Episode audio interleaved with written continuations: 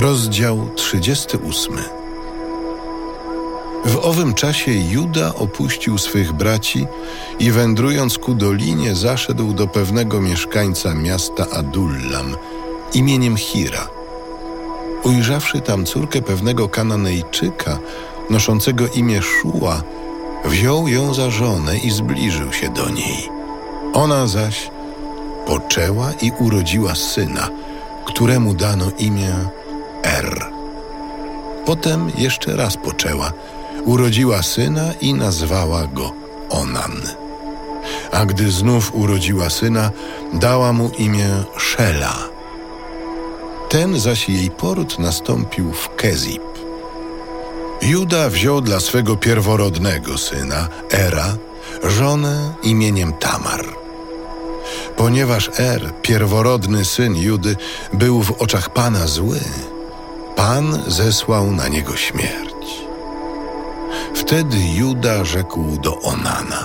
Idź do żony twego brata i dopełnij z nią obowiązku szwagra. A tak sprawisz, że twój brat będzie miał potomstwo.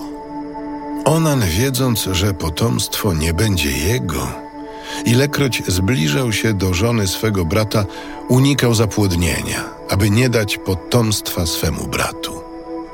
Złe było w oczach Pana to, co on czynił, i dlatego także na niego zesłał śmierć.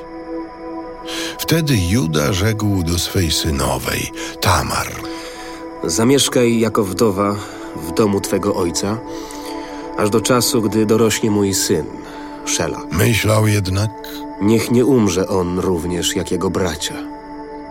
Tamar odeszła i zamieszkała w domu swego ojca. Po wielu latach umarła żona Judy, córka Szuły. Juda po zakończeniu żałoby udał się wraz ze swym przyjacielem Adullamitą imieniem Hira do Timny, gdzie strzyżono jego owce. A gdy powiedziano Tamar, Teść twój idzie do Timny, aby strzyc swe owce. zdjęła z siebie szaty wdowie, nałożyła zasłonę i okrywszy się nią szczelnie usiadła przy bramie miasta Enaim, które leżało przy drodze do Timny. Wiedziała bowiem, że choć Szela już dorósł, nie ona będzie mu dana za żonę. Kiedy Juda ją ujrzał, pomyślał, że jest ona nierządnicą, gdyż miała twarz zasłoniętą. Zboczywszy ku niej z drogi, rzekł – Pozwól mi zbliżyć się do ciebie. Nie wiedział bowiem, że to jego synowa. A ona zapytała: Co mi dasz za to, że zbliżysz się do mnie? Przyślę ci koźlątko ze stada. Ale dasz jakiś zastaw, dopóki nie przyślesz. Jaki mam ci dać zastaw? Twój sygnet z pieczęcią, sznur i laskę, którą masz w ręku.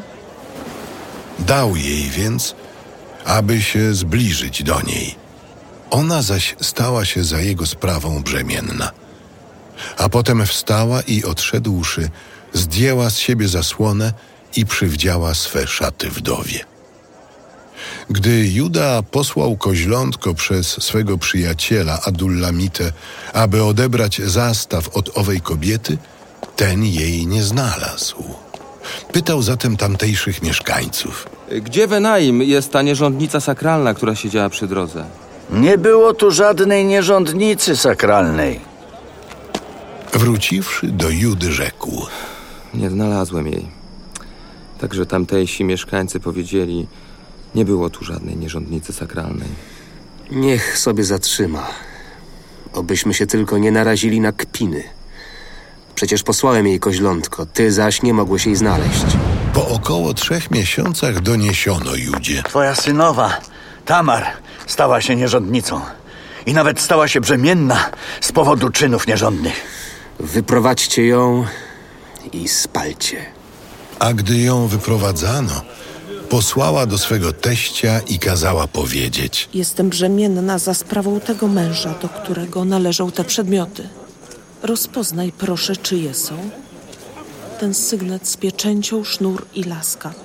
Kiedy zaś Juda rozpoznał je, rzekł: Ona jest sprawiedliwsza ode mnie, bo przecież nie chciałem jej dać Szeli, memu synowi.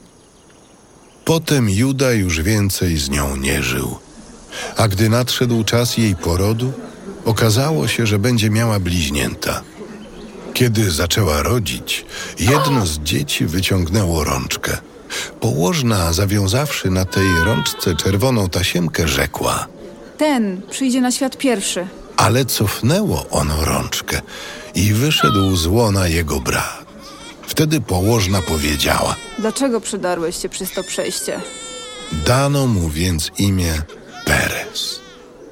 Gdy po nim urodził się jego brat, na którego rączce była czerwona tasiemka, nazwano go Zerach.